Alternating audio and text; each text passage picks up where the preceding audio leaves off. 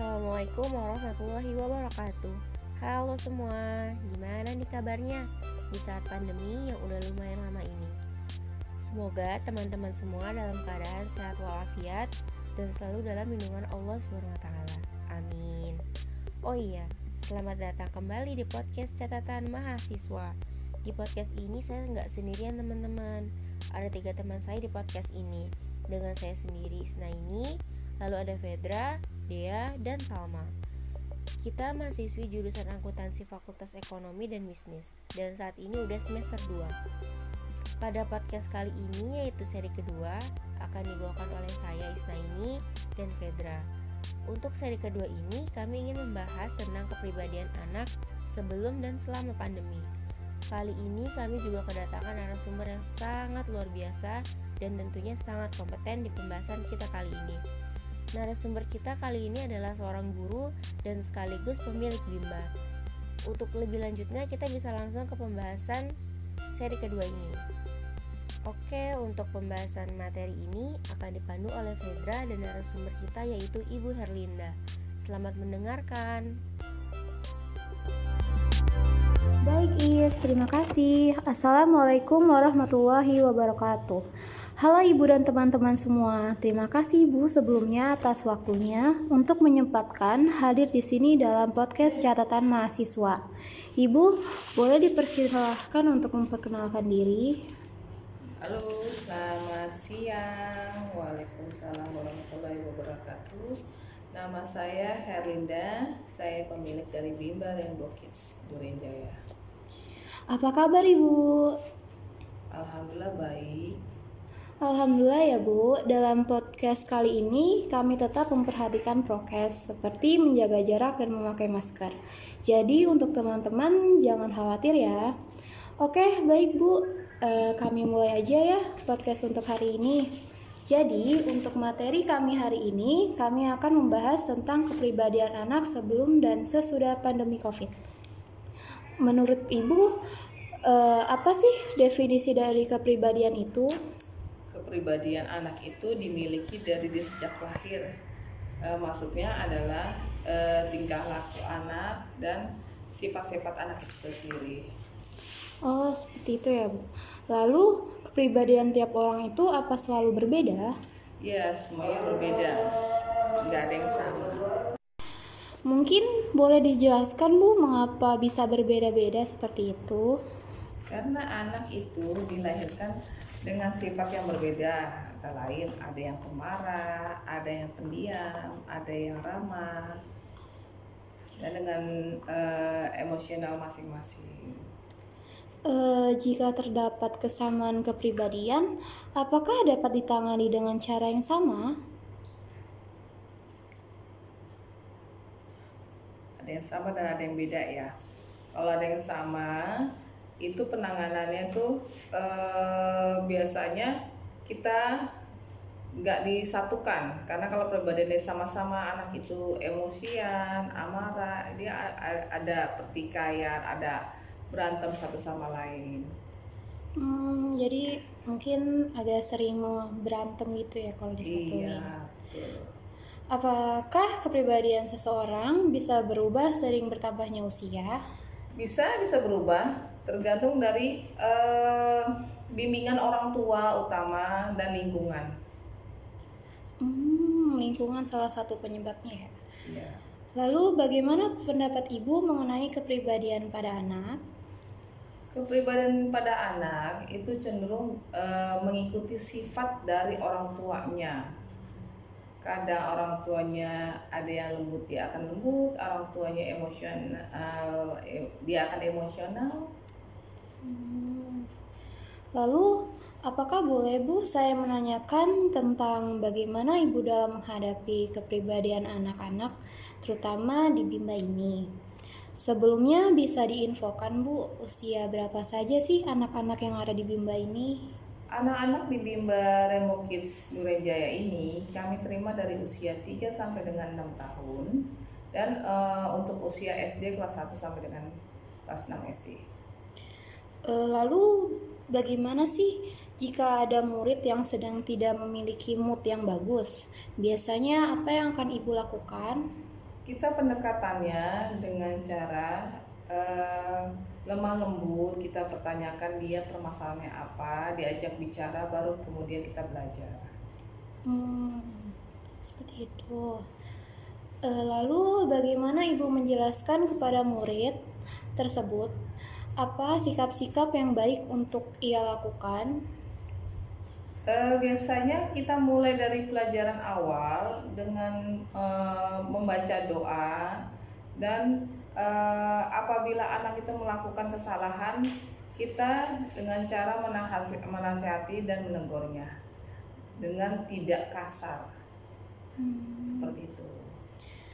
Eh, kemudian bagaimana cara ibu dalam membentuk kepribadian anak dari usia dini? Biasanya kita bentuk eh, dengan cara pendekatan ke anak sendiri. Dengan yang tadi saya bilang, eh, dengan lemah lembut dan dia eh, kita kasih pengetahuan-pengetahuan dasar untuk tingkah laku. Hmm, apakah seorang anak mampu mengenali kepribadian dirinya sendiri? Belum mampu karena masih di usia dini dan masih di dalam eh, bimbingan belajar. Hmm, berarti masih kecil-kecil ya, mungkin belum bisa mengenali kepribadiannya. Iya, betul. Eh, bagaimana ciri-ciri seorang anak jika mampu bisa mengendalikan dirinya sendiri? Biasanya anak itu sudah eh, dipelajari dari rumahnya dia bisa mengontrol emosinya dan dia eh, bertemu dengan teman-temannya dia akan mengucapkan salam. Eh, apakah kepriba- kepribadian anak itu diturunkan oleh orang tuanya? Ya betul, karena kepribadian itu adalah sifat-sifat dasar yang dimiliki orang tua ke- diturunkan kepada anaknya. Eh, berarti gen dapat mempengaruhi kepribadian ya, Bu? Iya betul, sangat. Eh, baik Bu, untuk selanjutnya bisa saya bertanya mengenai kepribadian anak saat sebelum dan selama pandemi COVID ini? Baik, silakan. Oke, kita mulai ya Bu. Jadi seperti apa sih kepribadian anak-anak sebelum pandemi? anak-anak sebelum pandemi dia akan belajar di rumah eh, kalau di rumah biasanya dia pelajarin dari orang tuanya sedang kalau orang tuanya bekerja dia akan dikasih eh, pengetahuan di bima kita Hmm, jadi untuk ada pembelajaran tersendiri ya Bu di Mbak. iya kita memberitahukan dia gimana menjadi anak baik Hmm, mungkin bisa Bu beri contoh apa sih salah satu masalah kepribadian anak sebelum terjadinya pandemi ini? Eh, anak-anak sebelum pandemi dia akan lebih tertib dia akan tahu setiap masuk ke dalam bima dia akan mengucapkan salam Hmm, berarti ada sebelum pandemi mungkin lebih teratur ya Bu ya ya kepribadiannya. lebih teratur lebih bisa diarahkan Hmm, eh, pas sebelum pandemi mungkin ya. iya betul Lalu seperti apa sih Bu kepribadian anak selama pandemi ini? anak akan lebih cenderung malas dan dia eh, mengikuti kata hatinya dia dia- walaupun kita udah menasihati dan menegurnya Berarti eh, walaupun sudah ditegur mungkin kayak ada rasa eh, gimana ya? egoisnya lebih tinggi Oh, egoisnya lebih tinggi. Jadi kayak susah diatur ya, Bu. ya betul Menurut Ibu lebih baik mana sih kepribadian anak pada saat sebelum atau selama pandemi? Saat ini Tentu aja sebelum pandemik ini, karena kalau se- lagi, pandemi ini, justru anak-anak dia eh, nggak bisa ketemu teman-temannya, nggak bisa eh, tatap muka langsung ke gurunya. Jadi dengan pribadi yang dia lebih tertutup dan lebih egois. Berarti berdampak buruk juga mungkin ya, Bu ya, Ya, pada pandemi ini. Hmm. Apakah Ibu pernah menangani masalah kepribadian anak pada pandemi yang saat ini berlangsung? Ya, saya menangani masalah kepribadian anak yang dia lebih cenderung tidak mau diam, lebih eh, over. Yang kita bilang overaktif lah. Ya, seperti itu. Kenapa sih anak bisa mengalami masalah kepribadian di saat pandemi? Ya karena dia tidak bisa bersosialisasi baik sama teman, uh, saudara-saudaranya maupun dengan lingkungan. Mungkin pada saat pandemi juga dia lebih baik eh lebih sering menggunakan handphone ya Bu ya. Ya betul, dia lebih cenderung di handphonenya itu. Oh ya seperti bermain game dan lain-lain. Iya. Bagaimana sih Bu tindakan Ibu dalam menghadapi hal tersebut? Uh, biasanya uh, kita pendekatannya dengan uh, bikin dia menyukai lingkungan bimba, pembelajaran yang langsung, tapi nya secara online. Hmm, berarti uh, secara online juga uh, sangat membantu ya Bu? Iya betul. Dalam menangani hal tersebut, apakah terjadi perbedaan yang sangat jauh saat sebelum dan selama pandemi ini? Iya betul, sangat sangat sangat jauh dan sangat memprihatinkan. Hmm, apakah peran orang tua sangat penting dalam kepribadian anak? Ya sangat penting sekali karena orang tua lebih lebih cenderung lebih lama ketemu anak-anaknya dibandingin dengan guru yang di bimbel. Hmm, jadi lebih uh, banyak di rumah ya bu ya? Iya betul. Jadi sosialisasinya pun agak kurang. Ya menurut selain itu orang tua uh, siapa saja sih atau faktor apa saja yang dapat dibutuhkan? Biasanya selain dari orang tua kadang suka diasuh uh, sama neneknya maupun kakeknya e, mungkin juga saudaranya yang lagi datang ke rumahnya dia untuk memberitahukan gimana jadi anak yang baik maupun e, untuk memperbaiki sifat-sifat anak itu sendiri. Hmm, seperti itu. Menurut ibu, hal-hal apa saja yang harus diperhatikan dalam kepribadian anak saat seperti ini?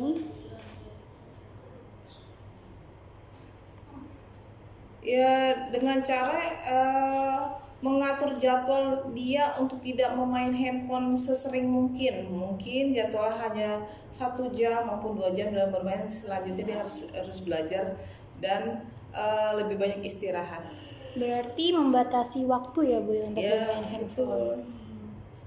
Apakah dengan tidak sekolah bertatap muka atau online seperti ini menjadi salah satu faktor berubahnya kepribadian anak? Iya, termasuk salah satu karena tidak bisa bersosialisasinya itu. Hmm, jadi kurang ya bu ya? Iya lebih banyak pendiam. Kadang-kadang dia lebih egois dan uh, kemungkinan temperamen anak itu. Uh, mungkin jadi murung ya bu ya di rumah mulu gitu mungkin bosen. Uh, lebih kurang pergaulan. Hmm, berarti untuk berteman bersosialisasi dengan teman juga kurang ya bu ya? Jauh. Uh Mengapa sekolah online dapat menyebabkan kepribadian anak berubah seperti itu, Bu? Ya, karena secara uh, sekolah online itu anak-anak biasanya uh, mereka ada kebosanan karena tidak bisa bermain langsung dengan temannya. Karena buat mereka anak-anak itu dunia mereka adalah dunia bermain, bukan secara dia online karena dia senangnya bertatap muka. Hmm, lebih senang offline berarti ya Bu? Iya betul. Jika pandemi ini sudah selesai dan anak-anak beraktivitas seperti biasa, contohnya sekolah tatap muka dengan guru-guru dan teman-teman, apakah kepribadian anak bisa kembali seperti sebelum pandemi? Iya, betul, bisa kembali lagi dengan kepribadian mereka walaupun akan sulit karena kita pandemi ini lebih dari setahun, mungkinan uh, mendekati dua tahun. Hmm, berarti cukup lama juga ya Bu ya buat uh, kembali seperti sebelumnya. Uh, apakah mungkin hal ini disebabkan karena kepribadian anak yang belum matang? Bisa jadi karena anak-anak itu bisa berubah-berubah kepribadian yang tergantung dari lingkungan dan uh, cara didik anak itu sendiri. Hmm, terakhir ya Bu, hmm. uh, apakah Ibu memiliki saran untuk kepada orang tua dan keluarga dalam menghadapi kepribadian anak, terutama di saat pandemi ini? Iya, jadi kalau buat orang tua maupun keluarga lebih lebih banyaklah komunikasi kepada anak-anak untuk uh, mengajari tingkah laku pribadinya dia dan harus bagaimana sikap mereka kepada orang tua, lingkungan dan sekitarnya. Oke, baik Ibu. Terima kasih atas waktunya telah menyempatkan hadir uh, untuk memberikan materi dan terima kasih kepada teman-teman yang telah menyempatkan untuk mendengarkan podcast catatan mahasiswa ini. Sampai bertemu di lain waktu teman-teman semua. Wassalamualaikum warahmatullahi wabarakatuh. Waalaikumsalam. Kesimpulan pembahasan kita kali ini adalah pendidikan kepada anak-anak sangat berpengaruh untuk perkembangan kepribadian dan karakter bagi anak. Karena pada saat inilah masa-masa emas untuk membentuk karakter anak yang baik. Namun pada saat pandemi seperti ini juga mempengaruhi sikap dan karakter anak. Karena sebelum pandemi, anak-anak dibentuk karakternya dengan bersosialisasi dengan teman-teman dan belajar bersama. Sedangkan selama pandemi, lebih banyak belajar mandiri di rumah dan melalui media elektronik atau daring. Hal ini menghambat sedikit perkembangan dan karakter anak yang tentunya tidak lebih baik dibandingkan sebelum pandemi. Dikarenakan pada saat pandemi berlangsung, anak-anak cenderung lebih muruk dan bisa saja akan mempengaruhi sosialisasinya ke lingkungan sekitarnya. Jadi, saat ini adalah peran orang tua dalam menghadapi masa pandemi ini agar lebih baik dalam menjaga perasaan dan perkembangan anaknya.